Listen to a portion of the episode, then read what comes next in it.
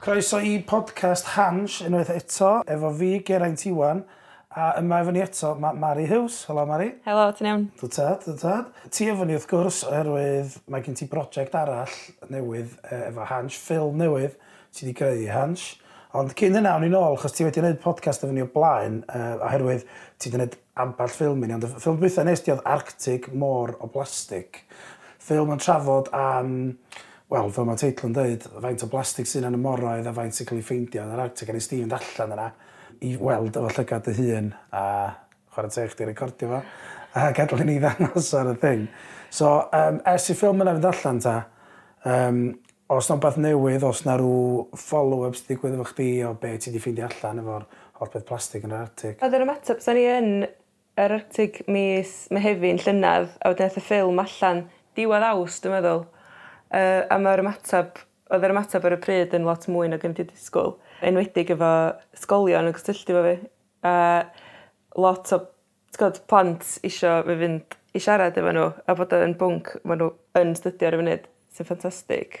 O'r ochr, faint o wahaniaeth nath y ffilm o ran petha mynd ymlaen yn llywodraeth dwi'n yn siŵr ond oedd bydad, ti'n gwybod, yn rhan o rhan ehangach o sgwrs sydd yn sydd dal i fynd ymlaen di, mae dal yn broblem. ond ie nes bod yna flwyddyn 'di mynd ers fi fod. Ie yeah, yndi yndi.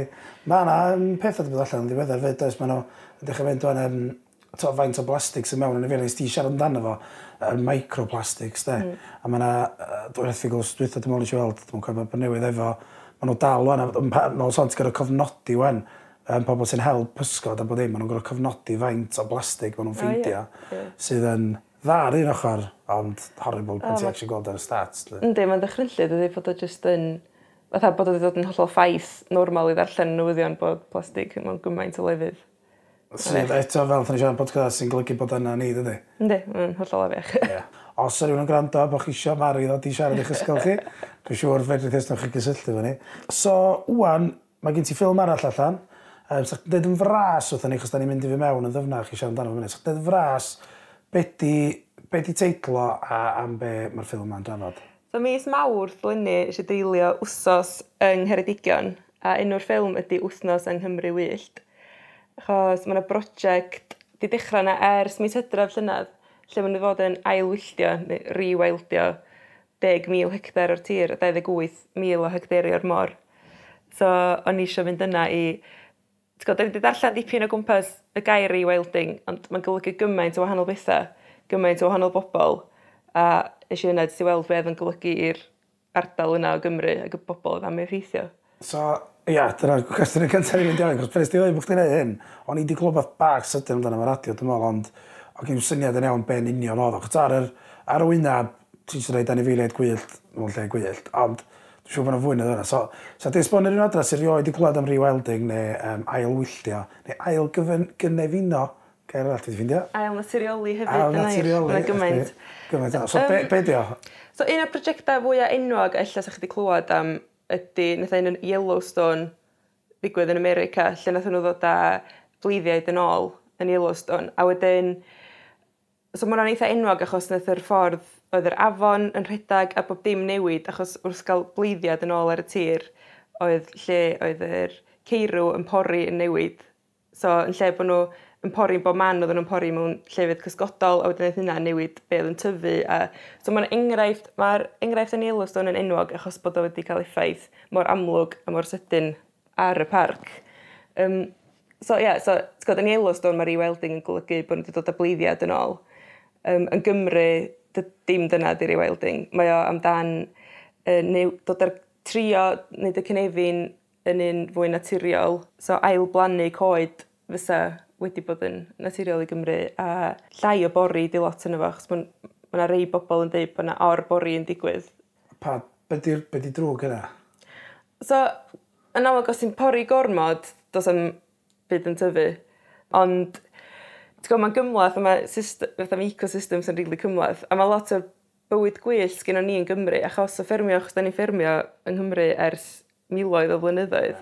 So mae lot o adar o falle'n hollol ddibynnol ar y prosesau yna o bod y tir yn cael ei bori a bod gen ti harfestio a ti'n gwybod, y cilch na gen ti mewn rhwng gwanwyn ha gyda hydref. Ie, yeah, so mae'n gymlaeth, ond gen ti prosiectau ar ei welding ymlaen yn Ewrop, Rwsia, ti'n gwybod, maen nhw gyd yn riwildio ond ma' nhw gyd o fewn concepts gwahanol hefyd. So mae'r prosiect yma di, ma di cychwyn yn Gymru, ma' nhw di, ma' nhw wrthi'n mynd amdani. Do, gathen nhw, uh, gath y pres, pres preifat ydy o, um, so mae'r prosiect di cychwyn ers mis hydref, ond di... Ac yn lle mae o?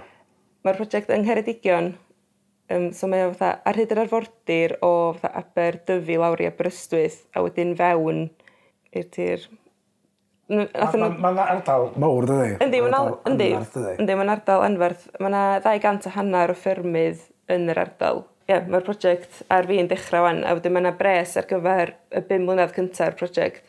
So dwi'n meddwl i gobaith nhw wedi bod o up and running lly, o fewn 5 mlynedd a bod o'n cynnal ei hun wedyn. A be ydy'r gobaith neu cynnal ei hun o ran, so, oce, okay, ond fyna, dwi'n cymryd mwy anifeiliaid gwyd, ond be ydy'r be ydy'r gol yn diwedd, lle, be maen nhw isio? dwi'n meddwl y gol efo'r prosiect yng Nghymru ydy bod... so maen nhw'n deud ar ei gwefan bod nhw eisiau adfer y prosesau naturiol ar y tir. So dwi'n meddwl mae hynna i wneud efo lot o dir Mawnog. So mae yna... Ti'n gwybod, yna subsidies gan y llywodraeth degawdanol i dreinio peat bogs. So bod nhw'n sych so bod ti'n gallu illa droion dir sy'n addas i bori ond mae hynna'n hanfodol ar gyfer car- dal carbon. T'go' ma' nw'n ddarna pwysig ag ar gyfer fatha cynefin bywyd gwyllt. So pethau fel, felly maen nhw eisiau fatha blocio'r dreiniau yn ôl so bod nhw'n mynd yn ôl yn bog sy'n ffwnctiono. Yeah, yeah. Cymraeg ofnadwy, sori. Mam yn blin um, A ia, plant mwy o goed a rheoli y pori so bod yna fwy o amrywiaeth o bethau medru tyfu. Cos un peth, um, chdi'n dweud efo coed, ydy un peth sy'n cymryd drosod lot ar ardaloedd yn ei gweld o'r ffilm o gen ti oedd yr uh, planig feidd mae yna lot o blanhigfeydd Mae yna yn yr ardal yna Um, so ma' 'hein yn blanhigfeydd sydd wedi cael ei plannu dros y ganrif ddwytha ers i'r Comisiwn Codwigaeth cael ei sefydlu. Ma'r planhigfeydd yn enghraifft o t'god y tir yn cael ei ddefnyddio er mwyn budd wel y llywodraeth fysa'r planhigfeydd. Ie i rywun sy'n gwrando lle planhigfeydd basic mae'n n'w jyst yn mae'n nw'n adeiladu coed lot lot lot o goed just er mwyn torri nhw lawr. Ie plannu... Er mwyn gwerthu nhw 'de? Plannu coed a dyn nhw ddim, dydy'r beth yma, dydy o ddim fatha cael onen neu rhywbeth. Maen nhw'n coed sydd wedi dod o Canada, coed sy'n tyfu, pwynwyr sy'n tyfu'n sydyn, a dyn nhw'n goed da, dyn nhw ddim yn cynnal llawer o fywyd gwyllt, o gwbl. Cos does am chance a fyd, efo chi'n dweud yn y pwynt dan fyna fyd, lle ti'n meddwl, efallai bod o'n beth da a tyfu am spel, ond maen nhw i gyd yn cael ei tol lawr unio'r un pryd, dydy? So os fysa na rwan i fel, wedi troi mewn a sydd wedi canu yn y fenyw. Ie, fysa. Wedyn, um, Ia, a hefyd, y pwynt arall, a tro, gyfaint fydd ti'n dreifio drwy Ceredigion, a ni roed i'n meddwl amdano fo, rili. Ti drwy'r adag yn mynd drwy fywyd gwyllt, ti, ne, dim drwy fywyd gwyllt, sef drwy'r awyr agorad, drwy mm. ceia, drwy cefn gwlad. A, a na mal iawn ti actually gweld anifeiliaid gwyllt. Pan ti'n meddwl faint o dir gwyllt, ne, dim diod yn dir gwyllt, ond dyna, dyna pan, mae'n siwr de. Os na ti'n ti ffermio, dio. Ie, wel mae o'n broblem fyd eang dydy cwymp 'ma mewn bywyd gwyllt a dyma'n union pam bod prosiecta rewilding 'di dechrau dros y byd fel ffordd o drio adfer ti'n gwybod, niferoedd bywyd gwyllt adar yn enwedig yng Nghymru jyst yn diflannu. So dyna lle 'di dyna pam bod y prosiect wedi dechrau, neu un o'r rhesymau pam a dyna pam bod o'n bwysig. Ie mae'n gymlath o ran mae yna betha mynd ymlaen yn barod ac mae pobl yn meddwl bod nhw wedi ffeindio'r atab efo ailwyllio yma bod ti'n jyst gallu gadael tir a bod o'n mynd i ffynnu ond mae systemau econ petha rili cymlaeth a dydy bod chdi'n gadael cau ddim yn golygu bod o'n mynd i jyst troi yn fatha ryw glaw yn hygoel so mae'n gallu jyst bod yn shrub a wedyn beth sgen ti wedyn t'god sa neb yn gallu byw oddi ar y tir 'na a sa neb 'im byd yn gallu byw ar y tir. Na mae dweud bod o'n gymlaeth yn um, yy beth ysgaf iawn i ddweud ymwneud, chos pan i'n gwybod bod fi'n mynd i siarad efo chdi am hyn, nes i sbio fewn iddo fo. Mae yna ddwy ochr gry iawn iawn um, iddo fo, a mi nawn ni wrth gwrs sbio'r ddau yna wan. Ond just gyn cychwyn hynna, pam nes di glwad am hyn a pan nes di glwad am y prosiect, a cyn i chdi wneud dim ymchwil a mynd i gychwyn dy wsnos yng Nghymru wyllt, um, be oedd dy farn di, be oedd chdi'n feddwl o wreiddiol, sut oedd chdi'n teimlo yn cychwyn y prosiect? Uh, tair mlynedd nôl nes i ddarllen Feral gen George Monbiot a mae George Monbiot yn newyddiadurwr ma' sgwennu lot i'r Guardian am pethau amgylcheddol a bywyd gwyllt a felly. Ac nesh i ddarllan Feral ac o- odd y math o llyfr, dwi'n cofio prynu tri copi a gyrru fo'n ffrindiau. ffrindia. T'go' math o lyfyr lle ti fatha waw oedd fatha manifesto a mae'n sgwennu o'r galon 'de a mae'r llyfr Feral amdan rewilding our lives and the natural world. So, fatha syniad, o'n i'n meddwl bod, o'n i'n meddwl bod yr ateb gwybod, sydd ei angen i y ffordd mae'r byd dwi'n meddwl bod ni'n byw bywydau ni fatha yn bellach ac yn bellach o fatha i fod in touch efo bywyd gwyllt a mae cael effaith ofnadwy ar yr ymgylchedd achos bod ni out of touch. So o'n i'n meddwl mae'n neud sens bod ti'n cael mwy o ardaloedd gwyllt. Mae'n neud sens iddyn ni fatha pobl bod yna fwy lefydd i ni fynd i a mae'n neud sens ar gyfer yr anifeiliad. A wedyn, pa eisiau glwad bod y prosiect yn, yn gychwyn yng Nghymru, mae'n amlygu gyffroes, dydy, bod y Cymru yn medru arwain y ffordd mewn ailwylltio. Ie, achos mae hwn yn, yn yr ei... Diolch yn y prosiect ailwylltio cynta, ond mae'n bendant yn yr ei mwyaf yn Brydain, dydy, Mae o... Mae o yr un cynta erioed i'r elusen Rewilding Britain wneud. Ah, reit, okay. So, mae yna brosiectau di bynd ymlaen, ond dim ar sgêl mor fawr yeah, yeah. ar un yma. Reit, oedd na, thyddi gynna bod na ddwy ochr ddo, so na'n ei fynd, a ti'n dangos hynna yn y ffilm, um, peth gyntaf ti'n neud ydy mynd i gyfarfod dyn o'r enw Ben. Ie, yeah, Ben Porter yn ffrindu fi, so Ben efo fi yn yr Arctic Llynedd. A nath o raddio a mynd yn syth i fod yn gweithio ar y prosiect fatha intern Reit. yn Machynlleth. Oedd yn gret, achos o'n jyst gallu codi ffôn a dweud, di nawn fi ddod at chdi a ni di ddangos fi rownd i fi gael trio dallt be di'r prosiect yma, achos ti'n gwybod, yn deud allai ddim deud pa mor gymlaeth ydy trio cael dy ben rownd be' yn union ti'n gwybod, sut mae ailwylltio yn wahanol i waith cadwraeth sy'n mynd ymlaen yn barod. Um, so ia yeah, eisiau gyfarfo Ben yn Mach a athon ni weld yr ardaloedd. Wedyn ia so be' sydd odd o'n achos mae o'n amlwg mae o'n project ers dechrau fel ti ddeud so mae o'n amlwg yn very pro y syniad yn amlwg. Dyn be' os fysa Ben efo ni fan ŵan, sut fysa fo'n gwerthu fo a be' me- ti'n me'wl sa fo a dim just geirion i geg o allu, ond yr ochr positif, be, sut oedd o'n gwerthu fe i chdi ac yn dod â fo drosodd, be di'r pethau da lle? Dwi'n meddwl be, nedd, y peth mwyaf neth yr amser efo Ben, neud i fi, oedd gweld edrych ar y tir yn wahanol, de. Achos mae Ben yn ec ecolegydd ydi o. So, ti'n gwybod, da ni'n sbio'r cae, dwi'n meddwl cae, ond oedd o'n gallu dweud fi be fysa medru bod yn tyfu na, os y gen ti lai o bori. Um, so, athen ni gychwyn i ben, fatha, mynydd yma sydd yn cael ei ffermio. A ti'n gwybod, ti'n gweld disgwair sy'n yna. A wedyn oedd o'n sôn am yr ia, math o bethau sy'n medru bod yn tyfu yna. So, oedd o'n helpu fi gael delwedd o, um, o hynna. A wedyn, o beth arall yn y prosiect yn gobeithio wneud, achos mae yna lot o bethau mynd ymlaen yn barod yn yr ardal, di bod ti'n neud coridorau rhwng y prosiectau sy'n mynd ymlaen yn barod. So, wedyn bod gen ti'r coridor mae'n mynd o ben pum limon lawr at y môr. So oedd ni rownd ardaloedd fel a gweld hynna. Um, Ydyn nhw'n sbio na fo, chwtio, ti'n dweud fel yna, os okay, ti'n stopio pori a... Um, chos o'r ochr, sy'n dal glus dyn nhw'n fi fatha neu, pan i'n gwrando radio wreiddiol, oedd ti'n clywed am bleiddiaid a pumas a links a falle, ti'n A ydy, ydy bethau fel yn cael ei... Dweud, cos os ti'n cael gwared o pori a gadl y tir, a'n efeiliad fel yna, mae'n just troi fyny, mae'n eich di ddod â nhw nôl a cyflwyno nhw ddim. ddim... Ydy wbeth fel yn, yn rhan o'r prosiect yma ta na, di'r hynny. Mae yna prosiectau mynd ymlaen yn yr ardal yn barod, so mae'r bela wedi cael ei ailgyflwyno yn yr ardal, a mae'r bifr, yn, mae yna sôn am y bifr, ond hwnna ddim yn rhan o'r prosiect mynydd i'r môr. Right. Sef y prosiect ei wylltio. Um, mae'r prosiect ei wylltio ar y funud yn canolbwyntio ar jyst adfer cynefinoedd a prosesau naturiol ar, yn y tir. Right, okay. Um, so, ar y funud, de ond mae'n brosiect hir dymor, yeah, so ti'n yeah, gwybod course, lle maen nhw eisiau yeah. mynd. Ond mae gennym nhw waith cael ennill pobl drosodd jyst i gael nhw on bod efo hynna ar y funud. Reit, iawn, oce. Okay. Wedyn, um, ie, fatha, so mae wedi, da ni wedi dwytio'n sydyn efo hana, hana di gwir, cefi jympio hana, da wedi sydd ar yma, uh, sticio fo Ben yn hynny. so, um, ie, so o, Ben yn dweud, maen nhw dal, fel maen nhw'n mynd ymlaen, er bod na allwch chi referthu na bydda, di'r prosiect dal i fod yn wbeth maen nhw'n hollol goelio, ddylia ddigwydd sy'n mynd i ddigwydd a fydd yn digwydd yn dda. Ta dyn nhw...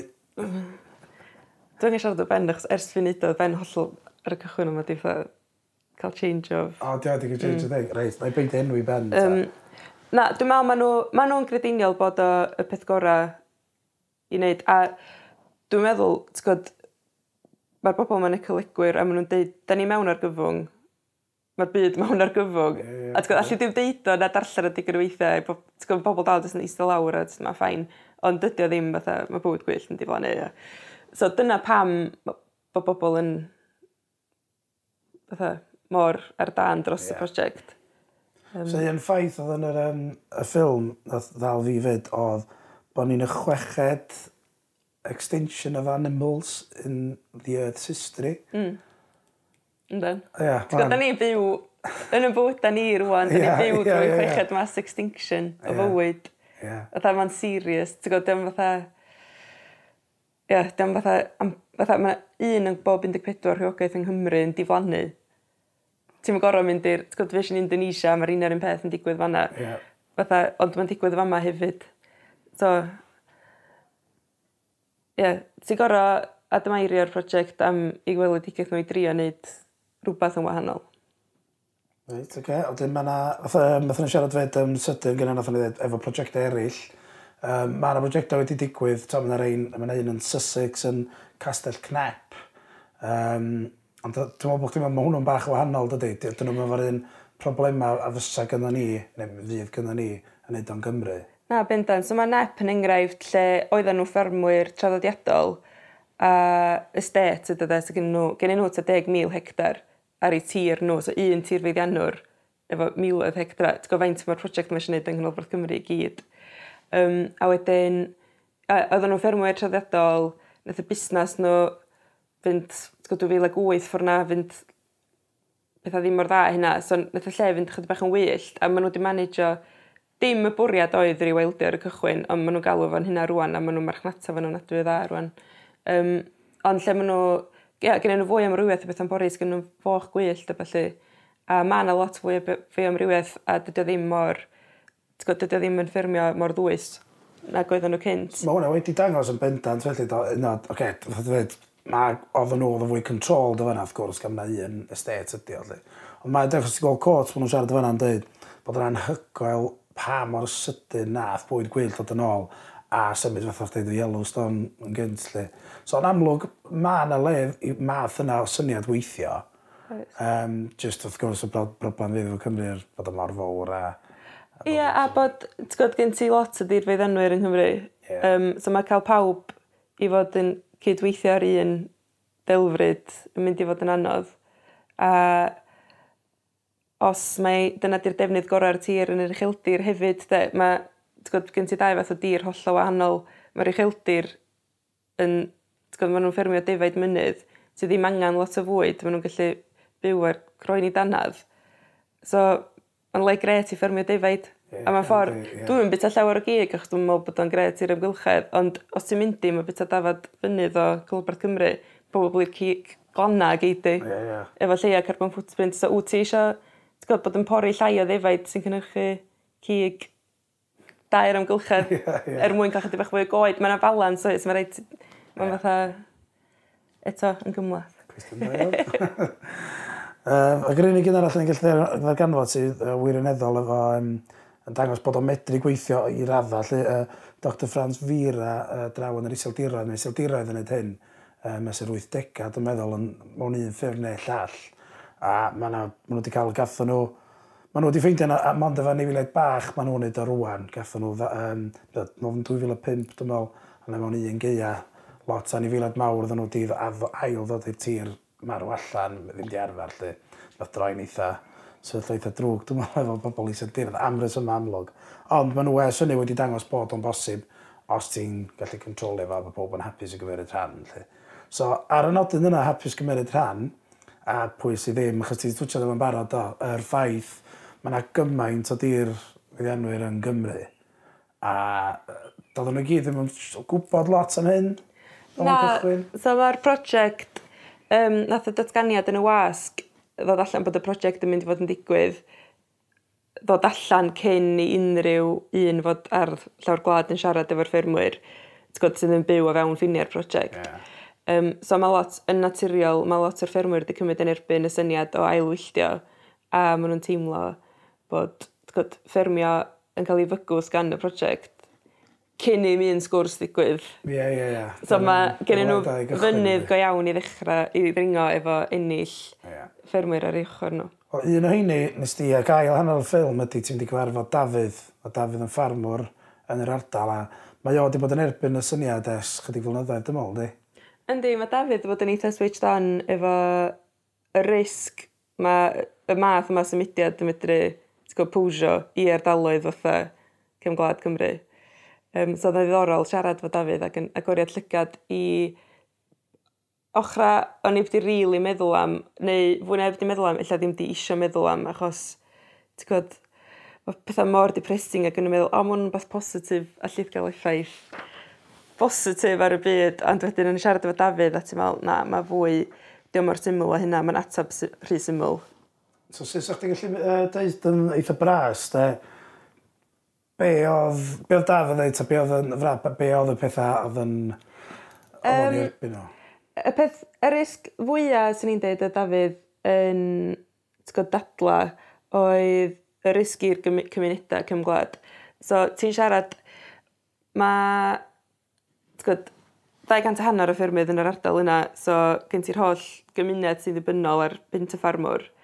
A wedyn, os ti'n tynnu'r gwaith allan yr ardaloedd, achos bod gen ti brosiect sy'n mynd ymlaen sy'n annog i bobl i beidio ffermio'r tir ond jyst i adael o fynd yn wyllt, diolch yn mynd i gynnal sam cyflogau mynd i gael ei dalu yna. So, a mae'r cymunedau mae'n cymunedau Cymraeg. So mae'r risg o'r prosiect yn eitha, mae'r gost yn eitha fawr, mawr i Gymru os ti jyst yn gorffan fyny efo llwyth o geia gwyllt a dim cymunedau yna.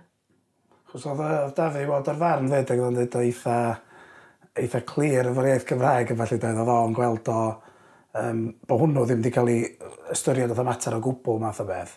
Bod y ffaith bod y gymunedau yn cael ei effeithio'n yn un peth oedd yn oce okay, i'r bobl preifat sy eisiau gwneud hyn oce okay, ffaith bod y gymunedau gymuneda'n oce odd wnna'n draffath ond yn amlwg ta, yn wedi bobol eitha dafis sy'n byw yna, oedd y ffaith wedyn bod y iaith Gymraeg yn canol fynna do' hwnna'm 'yd yn o'd ca'l gysidro o gwbwl ganddyn n'w nage? Na. Uh, ia mae yna lot o bethau... Ti'n gwybod, Michael Gove 'di bod yn cyn iawn ar yr syniad o ailwylltio ac yn ti y Conservatives yn leinio fyny subsidy scream, so fatha payment for outcomes for public goods neu rhywbeth. So os ti yn Um, Ti'n gwybod, dylsa bod hwn yn bositif dylsa bod fi'n medru siarad am hwn fatha beth grêt a ma' Michael Gove yn cynnig pres i bobl os 'dyn nhw'n helpu'r amgylchedd ond ti sbïo arno fo o gwybod, heb rose tinted glasses a ti'n sylwi be mae'n creu ydy sefyllfa lle os gen ti dir, ti'n gallu gadael i fynd yn wyllt, ti'n gallu cael pres am y tir yna wedyn. Achos mae o'n gwneud rhywbeth ar gyfer yr amgylchedd, mae'n gwod, gen ti goedan ar, ar dy cae.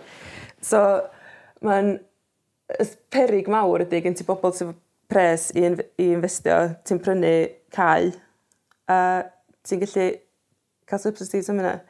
A dim, dim ffermwyr fydd efo'r pres i dalu i brynu'r tir na, ti'n gwybod? Ie, yeah, ie, yeah, ie. Yeah. So mae yna... Um, mm, so ceia'r canolbarth fydd y tai ha newydd, ti'n meddwl? Basically. Ie. Yeah.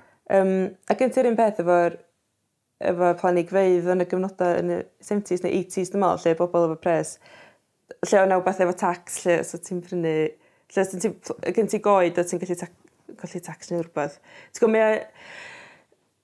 Dwi'n meddwl, mae o fwy cymlaeth na just fatha, waw, mae Conservatives wedi penderfynu bod nhw yn mynd i achub y byd.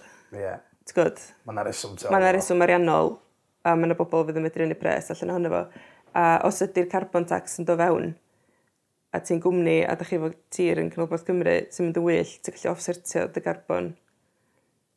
Dwi ddim yn cynical iawn am y symudiad. Um, mi na, mi na mi na, y diolch, mi na mi na, dwi eisiau siarad am ochr Dafydd. Yeah, Cyn, mi fydda i'n dod i ofyn i chdi am hynna erbyn diwedd. Cos, onas, i sef, ta, union y peth o'ch di pan eisiau glod amdano fo, lle, ti'n dweud, pam sa'n ddim yn gret. Na fydd yn hollol onas, mae'r idea o gael Wolves yn Gymru yn eitha cool. A dyna be o'n i'n edrych ymlaen amdano fo, Legs. Fydd o ddim mor cool i'r ffermwyr sy'n byw na, dwi'n siŵr os ti'n mynd lor lon yna. Ond um, cael anifeiliad gwyllt, no, cos ta, os ti'n mynd i reid wbeth i mewn, dwi'n eisiau cymharu o Jurassic Park, le, ond mae sens ella'n dy hefyd os wyt ti'n dod anifeiliaid i mewn newydd sy'n di arfer efo'r ardal, mae'n mynd i gymryd chydig dydi, iddyn nhw di arfer efo'r peth na. Dyn mae'r cymuneda yn mynd i cael ei ffeithio dipyn sa'ch ti'n meddwl efo peth fel la. Yndi, ond ti'n gwybod dydyn, dos a ddim anifeiliad gwyllt yn mynd i cael ei... O ia, na. na ...introduction yr ardal. Um, ond dwi'n meddwl mae fwy am... Ti'n gwybod, yr, ia, yr effaith fysa... Os ti'n colli un fferm rhwng dwy fferm, mae'r gym, ma gymuned sy'n cael ei chwalu, yeah, dydy. Um, a wedyn, ond dwi'n meddwl beth sy'n gwyll, be gwylltio ffermwyr hefyd ydy bod nhw'n gwneud lot yn barod. So mae lot yn nhw yn rhan o gynlluniau am, amaeth amgylcheddol. A lot o'r pethau mae'r prosiect yn deud bod nhw eisiau bod yn gwneud, fatha plannu coed, a efo'r pethau efo'r bogs, felly yn deud, maen nhw'n gwneud hynna'n barod. So mae chydig bach yn, ti'n gwybod, pres preifat, mae 3.4 miliwn neu bynnag wedi dod fewn. Yeah i ddeud, da ni'n mynd i ddeitha chi sut i wneud hyn, ond mae'n digwydd yn barod. So fe'n ychydig bach o fatha pwy di'r bobl yma sy'n dod fewn i ddeitha ni sut i drin yn tir. Ia, hwnna di'r un darn nes i feddwl amdano, achos a dweud, ond darllen mewn i hwn, a ddwy erthigol a ddal llygad fi, ond trafod y pres, Yna un gan Farmers Weekly, sy'n ella yn mynd i gael gor y prosiect anyway, oherwydd iachyd ffermwyr wrth gwrs, ond dwi'n meddwl Wales Online oedd llall. A wedyn oedd y ddau nhw digwydd bod di sbio ar lle mae lle mae 3.4 miliwn yn dod a dydy o ddim yn hollol arwynebol pwy sy'n reid o. Ond un thing na dal llygad yn bach gyda fi hof um, bod na sôn illa beth nhw'n medru a trio, trio gwerthu o thing positif oedd nhw. Mm. Y syniad o, o dyw ar ôl ni wneud o'n wir, illa fydd bob dim, ta fydd na goed y planigyn ac allan ni filoedd fydd pobl rhaid i weld yn Gymru. Um, be am i ni reid lonydd newydd i cael uh, trips bakes a trips cerdded a tours, animal tours, felly, a bod chdi'n gorau talu fynd arnyn nhw wedyn, ti'n fa? A dim munud ti'n clywed hynna, ti'n fatha, o, oh, mae'n bach, pwy sydd, Pwy sydd tu ôl i'r pres, a mae hwnna'n troi mewn i fista. Holl o wahanol i'r syniad greiddiol ti'n glwad, dydy. Dim dim bod hynna, dyna fe fydd o, ond mae yna sôn am hynna'n barod a mae'n newid gychwyn mae'r prosiect. A mae yna ma dipyn o, so, er mwyn, ti'n gwybod, cyfiawnhau o yn yr ardal, mae'n wedi dweud bod yna fwy o dwristiaeth yn mynd i ddod, ti'n gwybod bod mynd i ddenu fwy o dwristiaeth. Yeah. Ond, fatha ti'n dweud, really, ydy o, mae yna lot o bobl yn mynd yna'n barod i bum limon i gerdded fi cymynydd. Yeah, yeah, mae yna lot o fatha twrists yn mynd yna'n barod, a dyna nhw we mynd i gefnogi gymaint o diluoedd yma ffermion. Ti'n gwybod, di'r pres ddim yn mynd i adio fyny. Um, so... That was just a zip world, was it? O, yeah, ben y mynydd i mewn i mor na brysd. Ie, yeah, mae o'n oh, ti just, mae bendant angen gwneud, ti'n gwybod, mae bendant angen bod yn, bod yn plannu mwy o goed y felly, ond oes angen gwneud o mor, dyn ni'n extreme a maen nhw eisiau gwneud. A un beth, mae hwnna'n dy i ddod i hwn i ben yn bach, un pwynt da nes i gwlad, cos oedd hwnna'r um, galwad cynnar yn bach yn ôl, ac oedd Duncan Brown yn siarad arno fo, a un pwynt nath o ddeud, efo un neu ddau bobl oedd yn deud, chos to, oedd yn deg, da ni wedi dipyn o, bethau negatif mewn hwnna fan. Ond un pwynt na da nath o wneud yn ni fel nath ddal fi oedd, oedd, ond olia mae hwn yn syniad, ti'n Sef, da ni'n gwybod fel ti, da ni'n y sixth mass extinction of animals, mae rhaid i ni helpu, mae rhaid i ni gael fwy o goed efo efallai. A mae hwn yn syniad ac yn ffordd o allan wneud hynna. Ond mae pobl i weld yn dechrau troi o dweud na, ond da ni wedi cael syniadau a syniadau a syniadau a mae pawb i weld bod yna rhywun efo broblem efo bob un. Sut da ni'n mynd i gallu newid? Chos fe rhaid i newid bethau sgeil anfarth i actually drech yn hynna'n. Ond Sut da ni'n neud o heb i bobl fynd na? Na, yn union, a mae angen neud rhywbeth, ond gwybod, yn anffodus efo'r prosiect yma, nath nhw gychwyn, maen nhw wedi cychwyn ar y droed anghywir efo peidio siarad efo bobl sy'n byw. Ddim, ti'n gwybod, ia, bler ydy'r gair. Um, ond oes, fatha, mae angen newid pethau, ond mae lot o hynna ti'n gwybod, fatha'r green belt o gwmpas Llundain, maen n'w dal ma' nw'n adeiladu ar hwnna. T'god fatha be' 'di pwynt i ti ailwylltio cae arall yn Cymru pan gen ti dinasoedd fatha Llundain jyst yn cario mlaen i sbrolio. Um, so dwi'n meddwl ma' 'na le i Ie, ia ll- atebion mewn llefydd eraill. I bobol. So i ofyn y cwestiwn dwi'n meddwl bod fi'n gwybod beth yw'r yr ond nathon ni gychwyn siarad nathon ni gychwyn hwn efo um, fi'n gofyn i chdi beth o' chdi feddwl pan nes ti gw- Wel, Doug, chdi'n rhaid positif fath o'n i a meddwl bod o'n ffantastig, ond siŵr bod chdi'n methu disgwyl dreifio lawr i ddechrau dy wsos yng Nghymru wyllt, ond ar ôl bod ar wsos, ar ôl wneud y ffilm, ar ôl darllen a gwybod bob dim, lle, lle wyt ti'n sefyd efo'r prosiect yma o'n lle ac efo ailwylltio ar y cyfan? Efo ailwylltio ar y cyfan, mae yna lefydd lle mi fedrith o weithio a mi fedrith o wneud lot o les. Dwi'n gorfod bod ar sgêl mawr, dwi'n meddwl, mewn dinasoedd a felly so pobl ag anifeiliad yn gallu, ti'n gwybod, ia, so gallu fod yn beneficial iawn gael mwy o lefydd gwyllt. Um, y prosiect ei hun yng Nghanolbarth Cymru, dwi'n meddwl bod y risg o ddim jyst y prosiect ond beth allai ddigwydd ar ôl y prosiect os ti'n creu ardal sy'n denu tir fyddianwyr i brynu tir a jyst i adael o, mae'r risg jyst yn rhy fawr ar beth ti'n mynd i golli. Um, so, ar y prosiect y Ceredigion, dwi'n meddwl mae'n bwysig bod nhw'n bod yn ofnadwy ofalus y ffordd maen nhw'n mynd o gwmpas y, a yn sicrhau bod y ffermwyr yn rhan ohono fo ac yn god, bod nhw'n elwa ohono fo, dim just yn rhan ohono fo, er mwyn bod yn rhan ohono fo. So, actually, meddwl am y tir ac am y cymunedau yn lle meddwl am y pres. So, rhan ffordd dda dda? Ie, yeah, bendant, ie. Yeah. Reit, uh, diolch yn os da chi eisiau gweld y ffilm, fel yn dweud, wythnos yng Nghymru wyllt. Mae o allan ar hans rwan. Um, nes ddech chi gweld unrhyw uh, un o ffilms eraill Maris hefyd, uh, rhowch enw Mary Hughes, Hans, fel dweud, yr Arctic Môr o Blastig, ydyn ni siarad amdano fo gyna, ond mae y ffilms o'n un y Philippines yn edrych ar... Diwn hwnnw hwnna? Indonesia. Indonesia, shit. Felly, os ydych chi eisiau gweld ffilms eraill Mari hefyd wrth gwrs, mae Arctic Môr o Blastig, uh, dal i fyny, ni siarad am hwnnw dechrau'r podcast. Uh, ffilms eraill ysdi pan ydych chi'n Indonesia, um, am, dechrau'r olew uh, neu olew budur, sy'n ni'n gallu alw fo'n un ffordd, ond palm oil. Uh, mae hyn i gyd fyny ar hand srwch nhw'n Google, fydwch chi ffeindio nhw fanna, dwi'n siŵr. Diolch yn fawr, os gennych chi'n rhyw brosiect nes i ofyn hyn tro dwythau chdi, a nes ti dweud, na, sgyn i'n byd yn y gweill, dwi'n mynd i fi gymryd rest, dwi'n siŵr yn disdi, neu lle fed, a dwi'n ti dweud fyny fyny hyn. Os gen ti'n rhyw brosiect arall neu wbeth sa'ch chi'n licio amdani ôl ar hyn o bryd? Na, sa'n byd ar y funud. ond Dwi'n meddwl, dwi'n yeah, darllen papur dipur a gweld beth sy'n mynd ymlaen, de. Ond Ie, yeah, prosiect fatha'r prosiect yma, gwybod, fatha, dwi wedi newid, dwi wedi dysgu gymaint drwy'n neud o. A jyst barn, marn i ydi o, so i pawb ddod i'w barn i hun a darllen fwy o da chi fydru, achos dwi'n eisiau rhaid syniadau yn pen neb, jyst, jyst deud be dwi'n meddwl sy'n mynd ymlaen. Yeah. Na ni, ti wedi cyfrod i'r dda Do. so, wsos yng Nghymru, wyllt ar Hans, wan.